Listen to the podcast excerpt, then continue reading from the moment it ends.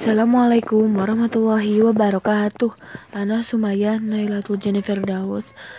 Absen 27 kelas 8E. Hari ini Ana akan membacakan ilmu tentang perjanjian Hudaibiyah. Setelah enam tahun berlalu, sejak hijrah dari Mekah, Rasulullah SAW berhasil mengokohkan pasukannya. Masyarakat Islam serta daulah Islam menjadi disegani semua bangsa Arab. Setelah itu, beliau mulai memikirkan langkah lain. Langkah-langkah tersebut adalah cara untuk semakin menguatkan dakwah daulah Islam dan melemahkan musuh-musuhnya. Telah sampai kepada beliau bahwa penduduk Khaybar dan Makkah telah membentuk kesepakatan untuk memerangi kaum muslim. Untuk untuk menghadapinya, beliau merumuskan strategi kebijakan yang yang bisa mengantarkan pada terbentuknya perjanjian damai dengan penduduk Mekah, sehingga diharapkan dapat menghasilkan suatu kondisi yang menjamin tidak adanya peperangan antara beliau dan bangsa Arab serta mempermudah penyebaran dakwah di Jazirah Arab sekaligus dapat mengisolir penduduk Khaybar dari kafir Quraisy. Beliau melihat bahwa strategi ini hanya bisa dilakukan dengan mengunjungi Baitullah di Masjid Masjid Al-Haram yang dilakukan dengan damai sehingga akan mengantarkan pada maksud politik beliau. Beliau juga melihat bahwa dengan adanya peperangan dengan bangsa Arab di bulan-bulan haram akan memudahkan beliau untuk menerapkan strategi tersebut mengetahui bahwa persatuan Quraisy telah terpecah dan ketakutan terhadap kaum muslim menyergap jiwa mereka. Strategi ini telah telah dirancang beliau dengan beribu kali pertimbangan. Karena itu beliau berencana pergi ke Bait Al-Haram untuk menunaikan ibadah haji.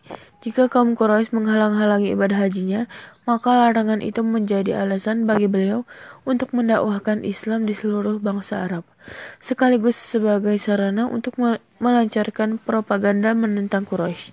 Karena itu Rasulullah SAW mengizinkan berhaji di bulan Zulqa'dah dan mengirimkan beberapa delegasi ke kabilah-kabilah Arab non-Muslim, mengajak serta mereka ikut mengajak serta mereka ikut bersama beliau ke laur menuju Baitullah dalam keadaan aman dan damai tanpa perang. Hal ini dimaksudkan untuk memberitahu kepada bangsa Arab bahwa beliau keluar untuk berhaji bukan untuk berperang. Bersama beliau turut pula orang-orang Arab non-Muslim dan mereka tidak seagama dengannya karena beliau tidak untuk berperang melainkan untuk meraih opini umum yang akan berpihak kepada beliau seandainya kafir Quraisy mencegah beliau berhaji. Beliau telah menetapkan langkah perdamaian, karena itu beliau tidak mengizinkan kaum muslim membawa senjata, kecuali pedang-pedang yang tersimpan di dalam sarungnya. Beliau mengumpul, mengumumkan bahwa rombongannya keluar untuk berhaji bukan untuk berperang. Rasulullah SAW kota meninggalkan kota Madinah bersama dengan 1.400 orang laki-laki. Beliau berada di barisan terdepan menunggang untanya Al-Kiswa yang beriringan dengan 70 ekor unta lainnya. Beliau memakai baju ihram untuk untuk umroh agar dapat menunjukkan kepada umat manusia bahwa beliau tidak bermaksud perang. Beliau keluar hanya untuk mengunjungi Baitullah, Al-Haram.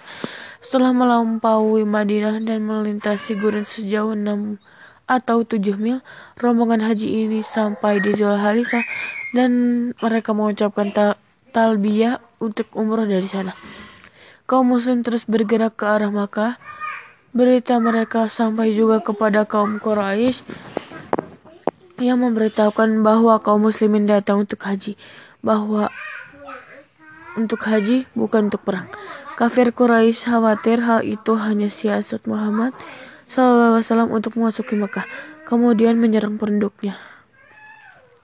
Mereka memikirkan hal tersebut beribu kali dan akhirnya memutuskan untuk menghalang-halangi Muhammad Wasallam masuk Mekah.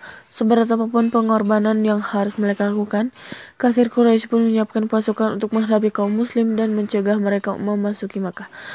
Mereka mengangkat Khalid bin Walid dan Ikhrimah bin Abu Jahal memimpin pasukan yang sangat besar, yang pas yang pasukan berkudanya saja berjumlah 200 orang.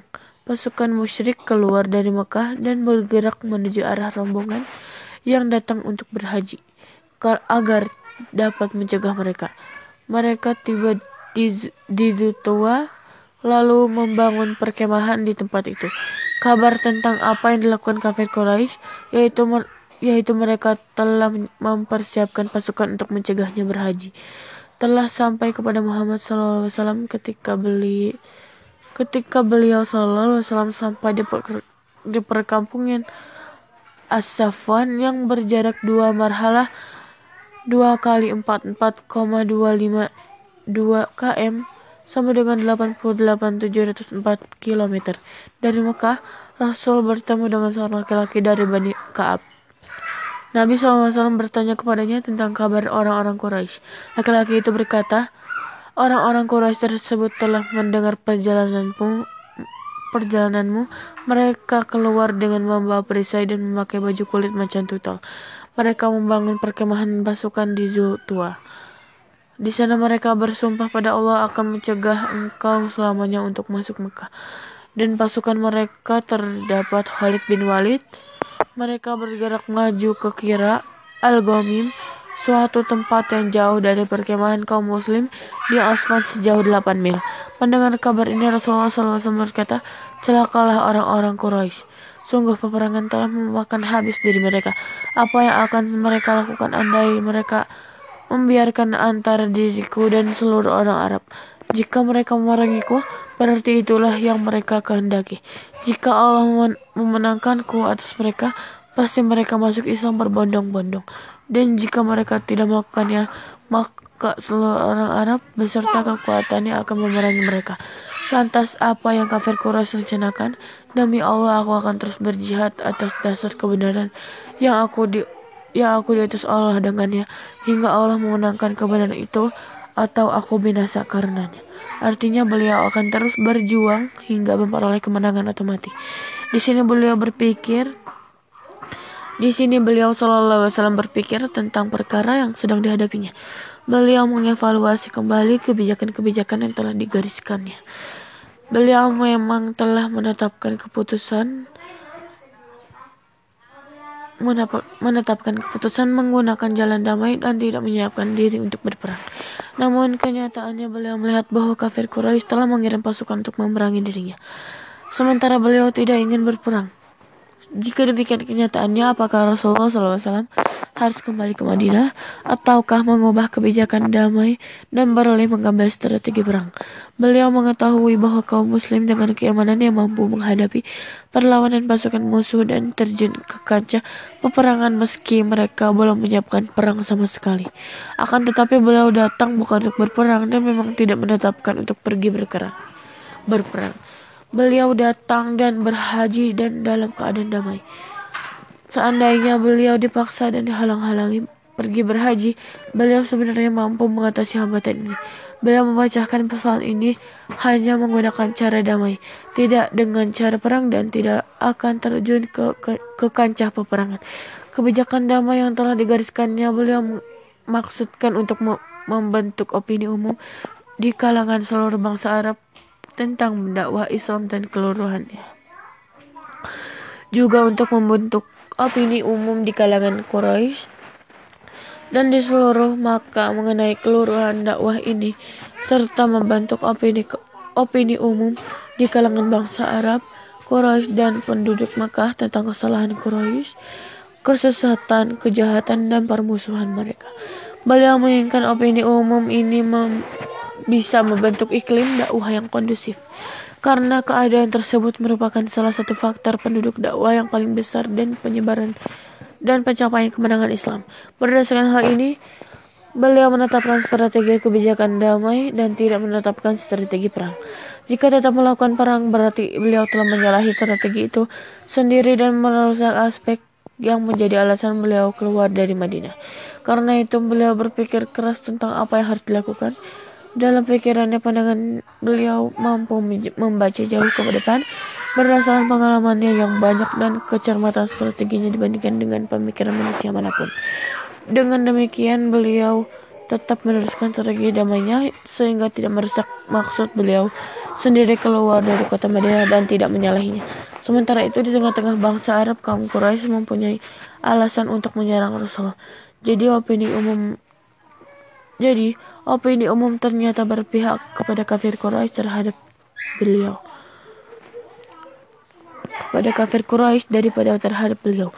Karena itu beliau menyedot rombongannya, siapa yang bersedia berjalan keluar bersama kami melalui sebuah jalan selain jalan mereka sendiri. Lalu seorang laki-laki keluar bersama mereka dan menunjukkan jalan kepada mereka. Mereka menyusuri jalan-jalan yang sulit dan berjalan di antara celah-celah gunung yang sempit.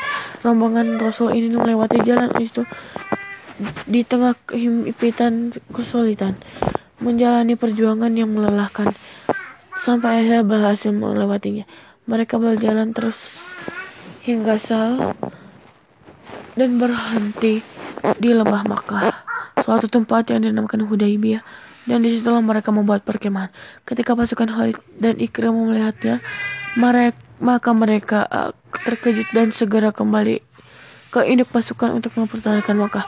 Jiwa mereka panik dan ketakutan karena kaum muslim berhasil melampaui pasukan mereka dan menempati daerah perbatasan Makkah. Kesatuan pasukan musyrikin berada di dalam Makkah, sementara kesatuan pasukan Nabi Shallallahu Alaihi Wasallam dan para sahabatnya mereka di Hudaybiyah. Kedua pasukan tersebut saling berhadapan-hadapan. Pasukan Quraisy di dalam Mekah, sedangkan kaum Muslim di Hudaybiyah. Masing-masing berpegang tentang strategi yang akan strategi yang akan strategi yang akan dijalaninya dengan dalam menghadapi musuh. Sebagian kaum muslim berpikir bahwa Quraisy tidak akan membiarkan mereka melakukan haji. Mereka telah mempersiapkan perlengkapan perang untuk menghadapi kaum muslimin. Karena itu tidak ada jalan lain kecuali memerangi mereka untuk mengalahkannya. Untuk mengalahkannya dan segera melakukan ibadah haji. Dengan demikian mereka harus mampu mengakhiri riwayat kafir Quraisy dengan hukuman tuntas. Sementara itu pihak Quraisy juga memikirkan tentang mempersiapkan diri memerangi kaum muslimin dengan mempersiapkan yang memungkinkan mampu mampu menyerang dan menghancurkan mereka. Sehingga mereka terusir dari, dari Mekah. Mereka meski hal itu harus ditebus dengan kehancuran Quraisy sendiri. Meskipun kafir Quraisy harus lebih dulu mempertimbangkan kekuatan muslim beribu kali, pada akhirnya mereka memutuskan untuk tetap tinggal di Mekah sambil menunggu apa yang akan dilakukan kaum muslim. Adapun Rasulullah SAW sendiri tetap berpegang pada strategi yang telah digariskannya sejak beliau berniat ihram untuk umur di Madinah, yaitu strategi damai. Beliau tetap berpegang pada prinsip ini hingga berhasil mencapai tujuannya. Beliau tetap ber, bertahan di Hudaybiyah sambil menunggu apa yang akan dilakukannya kaum Quraisy. Beliau tahu bahwa Quraisy gemetar karena takut terhadap dirinya. Mereka sepertinya akan mengirim utusan kepada beliau untuk berunding tentang kedatangan untuk berhaji. Quraisy kemudian mengirimkan ba Badil bin Warako, seorang laki-laki dalam rombongan Bani Huza'ah yang utusan perundingan, sebagai utusan perundingan. Tugas yang harus dijalankannya adalah bertanya kepada Rasulullah SAW mengenai tujuannya datang ke Mekah. Di dalam setelah perundingan, akhirnya mereka puas karena ternyata kaum muslim tidak datang untuk maksud perang, melainkan mereka datang untuk menjamai itulah dan demi mengagungkan kemuliaannya. Setelah itu utusan tadi kembali untuk meyakinkan Quraisy dengan kabar tadi dan berusaha keras meyakinkannya. Sehingga Quraisy mencurigai karena mencurigai mereka telah berpihak kepada Muhammad Sallallahu Alaihi Wasallam. Mereka tidak mempercayai ucapan para utusan ini. Mereka mengirimkan utusan lain di bawah kepemimpinan Muhriz bin Hafaz. Namun nasibnya juga seperti utusan pertama. Kemudian mereka mengirimkan Halis bin Al-Qamah kepada suku Al-Habisi untuk merunding dengan Muhammad Sallallahu Alaihi Wasallam. Quraisy percaya kepadanya maupun kaumnya dalam memusuhi Muhammad Wasallam. Quraisy memang bermaksud membangkitkan gelora pembusaannya terhadap kaum muslim. Jika kembali dan perundingan tidak berhasil, dan dendam Halis bertambah besar dan semangat untuk mempertahankan maka semakin meningkat. Nabi SAW mengetahui keberangkatannya, lalu beliau memerintahkan agar hewan-hewan sembelihan untuk diumroh dilepaskan dan dihadapan beliau. Di hadapan beliau. Agar hewan-hewan itu dalam pandangan Halis menjadi bukti yang bisa dilihat langsung bahwa niat kaum muslim memang untuk haji dan bukan perang. Langsung bahwa niat kaum muslim memang untuk haji bukan perang. Halis pun berangkat dan ketika sampai di perkemahan kaum muslimin dia melihat unta-unta berkeliaran di lembah. Dia juga menyaksikan gerak-gerik kaum muslim beserta hewan-hewan sembelihan untuk had yang benar-benar menunjukkan sebagai rombongan umroh, bukan sebagai pasukan perang. Tampak di kemah-kemah mereka suas kemah mereka suasana ibadah. Pemandangan ini membawa pengaruh yang amat meyakinkan Halis bahwa mereka sesungguh-sungguh bertujuan untuk ibadah, bukan perang. Tidak lama dia tinggal di daerah pengintaian dan telah puas melihat kenyataan kondisi kaum muslim itu. Maka Haris pun kembali ke Mekah padahal dia belum bertemu Rasulullah. Dia mengabarkan kepada Quraisy dan meminta mereka supaya membiarkan kaum muslim melaksanakan haji. Haris sangat marah pada sikap Quraisy yang sangat keras kepala dan mengancam mereka jika tidak memberi kemudahan pada Muhammad yang hendak mengunjungi Ka'bah. Maka Haris dan orang-orang Al-Habasyi akan meninggalkan Quraisy dari Makkah. Akan tetapi Quraisy buru-buru memohon Halis bersabar sejak dan minta Halis supaya memberi tangguh agar mereka bisa memikirkan persoalan tersebut dengan matang. Halis pun tidak memperdulikan mereka lagi. Sementara itu Quraisy mengirimkan lagi utusan yaitu Urwah bin Mas'ud As-Sakafi. Tentu mereka tuntut setelah mereka berhasil meyakinkannya bahwa mereka merasa mantap dan mempercayai dengan pikirannya. Urwah berangkat menemui Rasulullah SAW dan mengajak berunding agar Rasul kembali saya dari Makkah. Dalam perundingan itu Urwah menggunakan berbagai uslub yang eh berbagai uslub akan tetapi dia tidak berhasil dan kembali dengan perasaan puas dengan pandang dengan cara pandang Rasul. Dia berkata kepada Quraisy, "Hai orang-orang Quraisy, sesungguhnya aku pernah mendatangi Kisra di pekerjaannya dan kaisar di imperiumnya demikian juga Najasyi di kerajaannya. Demi Allah aku sama sekali belum pernah melihat sebuah kerajaan pun dalam suatu kaum seperti Muhammad di tengah-tengah para sahabatnya. Sungguh aku telah melihat suatu kaum muslim yang selama itu tidak akan menyerahkannya Muhammad untuk suatu apa pun. Karena itu pikirkan kembali pendapat kalian Kebencian dan dendam kafir Quraisy makin jadi-jadi. Lobby terus berlangsung dan memakan waktu lama tanpa mencapai kata sepakat. Melihat hal ini, Rasulullah SAW berpikir hendak mengirimkan utusan untuk berunding. Barangkali utusan-utusan Quraisy takut ber terhadap umatnya dan mungkin saja utusan Rasul itu akan dapat meyakinkan mereka. Lalu Rasul mengutus Harasi bin Umayyah al-Khuzai menemukan menemui mereka. Akan tetapi mereka melukai utusan ini dan hendak membunuhnya. Seandainya tidak ada pembelaan dari suku Al-Habisi, kemarahan Quraisy semakin membara di tengah malam. Mereka mengirim beberapa orang bodoh untuk melempari kemah kaum muslim dengan batu. Kaum muslim marah, bahkan mereka bahkan mereka sempat berpikir untuk memerangi kafir Quraisy. Akan tetapi Rasul Sallallahu berhasil meredakan kemarahan mereka dan menendangkannya. Tersiar kabar bahwa 50 orang dari Quraisy telah keluar untuk mendatangi perkemahan kaum muslim dengan ber, dengan tujuan menyerang dan menghancurkan mereka tanpa menyisakan seorang pun dari para sahabat Nabi. Namun rencana aksi tersebut diketahui oleh kaum muslim. Lalu mereka ditangkap dan dihadirkan di hadapan Rasulullah. Beliau, beliau memaafkan mereka dan melepaskannya. Tindakan tersebut punya pengaruh besar di Makkah dan menjadi bukti kuat yang, menunjukkan kebenaran Muhammad SAW tentang ucapannya yang menyatakan beliau datang untuk haji, bukan perang. Dengan demikian opini umum di Makkah berpihak kepada Rasulullah sehingga masuk Makkah sehingga seandainya beliau pada waktu itu masuk Makkah dan Quraisy berusaha mencegahnya, tentu akibatnya harus mereka hadapi dan penduduk Makkah serta bangsa Arab akan memusuhi mereka. Karena itu kafir Quraisy berusaha meredam kemarahan mereka sendiri dan mencoba memikirkan lagi persoalan ini. Sedikit demi sedikit, keadaan di Makkah mulai menemukan tanda-tanda ke arah damai.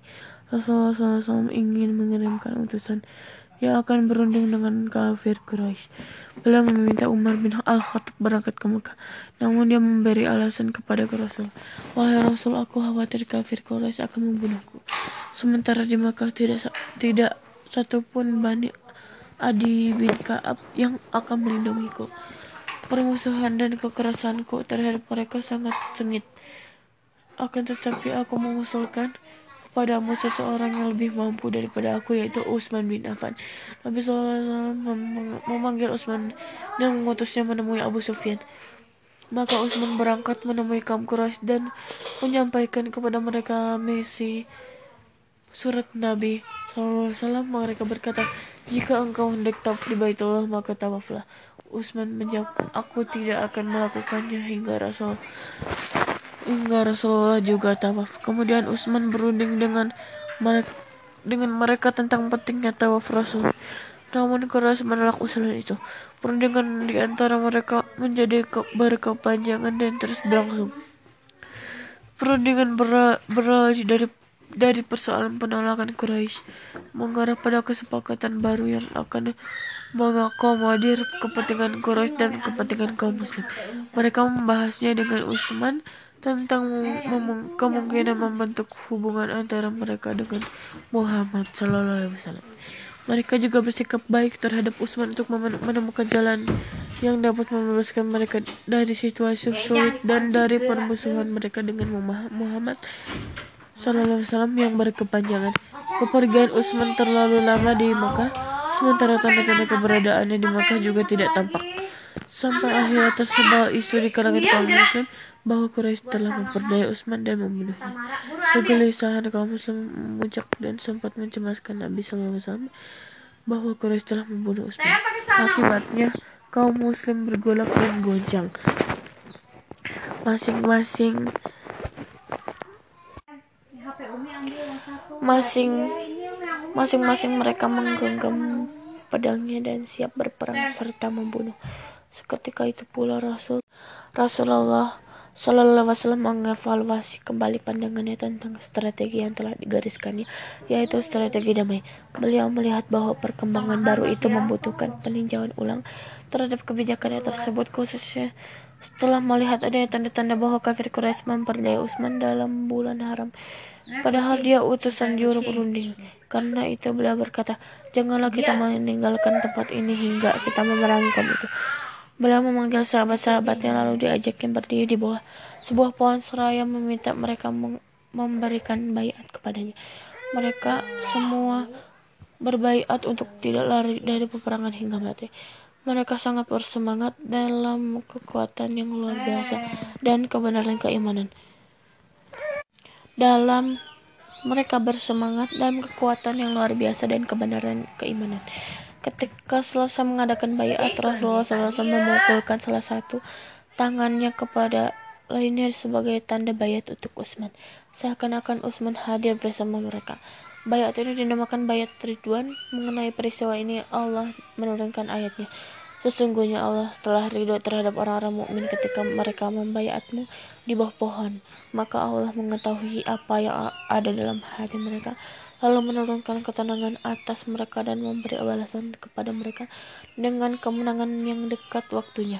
Quran Surat Al-Fat ayat 18 Sebelum sempurna bayat dan kaum muslim belum mempersiapkan diri terjun ke medan laga dan memasuki perang, tiba-tiba sampai kabar kepada mereka bahwa Utsman tidak dibunuh. Tidak berapa lama Utsman kembali mengabarkan kepada Rasul SAW tentang apa yang dikatakan Quraisy. Rasul menyimak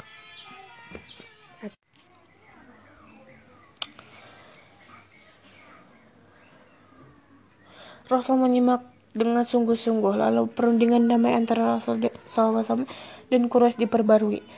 Quraisy mengirimkan Suhail bin Amr untuk berunding dengan Rasul SAW dengan agenda yang lebih luas dari sekadar masalah haji dan umrah melebar ke arah sebuah perjanjian damai yang akan ditetapkan antara beliau dan mereka dengan dasar bahwa beliau harus meninggalkan Makkah tahun ini.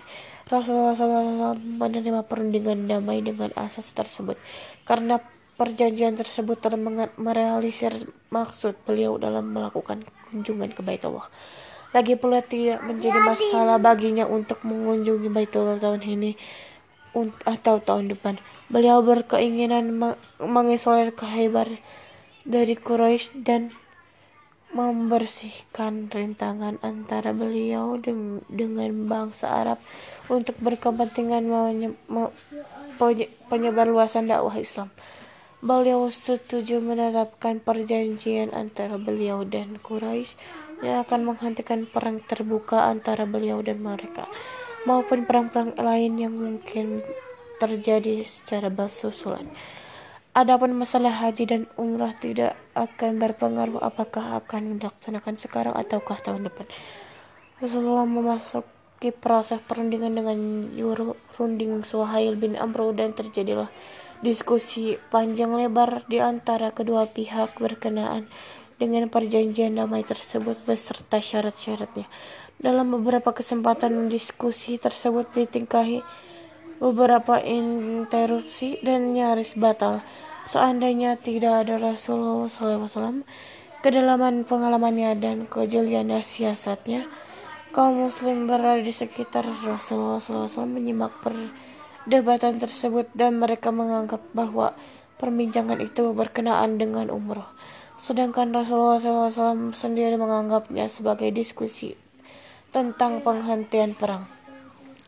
Karena itu pandangan politik kaum muslim masih sempit sementara itu Rasulullah bergembira terhadap hal itu dan mengarahkan perjanjian itu ke tujuan yang beliau kehendaki tanpa melihat rincian maupun man manfaat sesaat.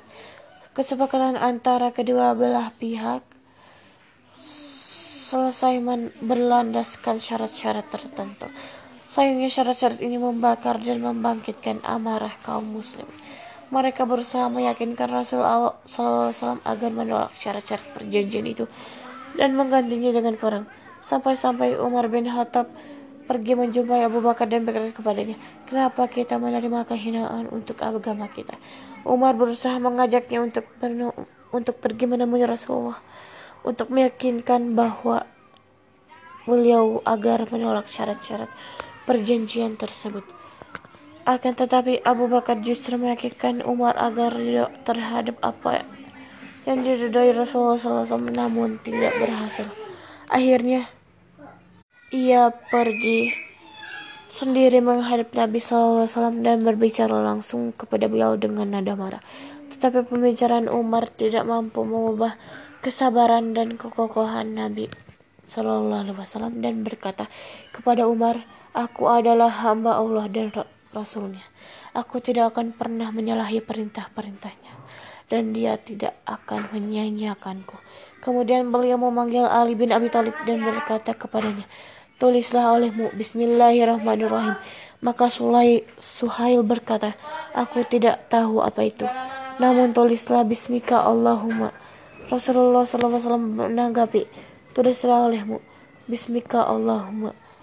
Kemudian Beliau melanjutkan tulislah olehmu ini adalah perjanjian damai yang disepakati oleh Rasulullah dengan Suhail bin Amr. Maka Suhail pun memotong, seandainya aku bersaksi bahwa engkau Rasulullah, tentu aku tidak memerangimu. Karena itu tulislah namamu dan nama bapakmu. Rasulullah SAW berkata tulis olehmu, ini adalah perjanjian damai yang disepakati Muhammad Rasulullah berkata, Tulis olehmu, ini adalah perjanjian damai yang disepakati Muhammad bin Abdullah dengan Suhail bin Amr. Kemudian Ali melanjutkan penulisan perjanjian di antara kedua pihak yang isinya sebagai berikut. Yang pertama, perjanjian ini adalah perjanjian gencatan senjata yang mengikat kedua belah pihak. Di antara kedua belah pihak tidak ada peperangan atau saling membunuh. Kedua, bahwa siapa saja dari Quraisy yang telah masuk Islam dan datang kepada Muhammad tanpa izin walinya, maka Muhammad harus mengembalikannya kepada mereka. Siapa saja yang murtad dari kaum muslim dan mendatangi Quraisy, maka mereka tidak akan mengembalikannya kepada Muhammad. Yang ketiga, bahwa siapa saja dari bangsa Arab yang ingin ikut serta dalam kesepakatan Muhammad dan perjanjiannya, maka tidak akan dihalangi.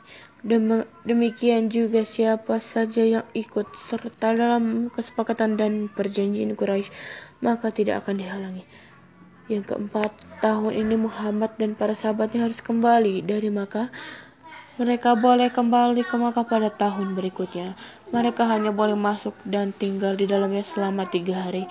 Mereka hanya boleh membawa pedang-pedang yang tersimpan di dalam sarungnya dan tidak boleh membawa senjata lainnya. Yang kelima, perjanjian diadakan dalam batas waktu tertentu. Masanya selama 10 tahun sejak tanggal penan penanda tanganannya. Rasulullah SAW dan Suhail mendatangani perjanjian ini di tengah gelora dan kemarahan pasukan kaum muslimin. Suhail berdiri dan langsung kembali ke Makkah. Sementara Rasulullah SAW masih berada di tempatnya dalam suasana kebingungan, kemarahan dan ketidaksukaan kaum muslimin yang muncul dari semangat sikap keras dan berharapan besar untuk berperang. Beliau menemui istrinya itu Ummu Salma yang menyertai dan mengabarkan kepada kepadanya tentang kelakuan kaum muslimin. Dia berkata dengan beliau, wahai wahai Rasulullah, kaum muslimin tidak akan menentangmu. Sesungguhnya mereka sangat bersemangat untuk berperang karena agama dan iman mereka terhadap Allah dan Rasulullah. Karena itu bersyukur dan bertahalulah niscaya bersyukur dan bertahalulah niscaya engkau akan menemukan kaum muslimin mengikutimu. Kemudian mereka kembali ke Madinah bersama mereka. Rasulullah SAW keluar menemui kaum muslimin. Beliau kemudian mencukur rambut sebagai penutup umrah. Jiwanya penuh dengan ketenangan dan ridho. Ketika kaum muslimin melihat Rasul tetap tenang, mereka segera melalui hari nahar dan ikut mencukur dan memendekkan rambut.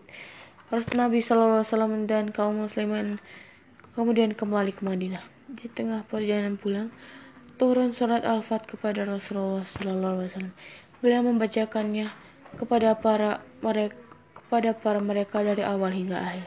Mereka semua akhirnya yakin bahwa perjanjian ini adalah kemenangan yang amat nyata bagi kaum muslim kaum muslimin tiba di kota Madinah, Rasulullah SAW telah melaksanakan strateginya adalah menyelesaikan menyelesaikan masalah Khaybar. Penyelesaian dakwah di luar jazirah menstabilkan kondisi menstabilkan kondisi dal, dalam negeri jazirah dan mengisi kekosongan waktu akibat adanya perjanjian damai dengan Quraisy untuk menyelesaikan permasalahan yang masih ada pada sebagai pada sebagian suku Arab serta menjalin hubungan luar negeri. Dengan demikian sempurnalah tujuan-tujuan itu. Berkat dilakukannya perjanjian ini beliau Shallallahu Wasallam berhasil melaksanakan strategi yang telah beliau susun saat akan berhaji dengan cermat. Meskipun dihadang oleh berbagai kesulitan dan kekerasan, beliau akhirnya mencapai tujuan politik yang ah, yang telah ditetapkannya. Sehingga perjanjian Hudaybiyah merupakan kemenangan yang nyata dan di antara hasil-hasilnya antara lain sebagai berikut. Yang pertama, mengantarkan Rasulullah SAW kepada opini umum yang mendukung dakwah Islam di seluruh bangsa Arab pada umumnya, di Makkah dan dengan Quraisy pada khususnya. Hal itu menyebabkan semakin kuatnya kewibawaan kaum muslimin sekaligus melemahkan kewibawaan kaum Quraisy.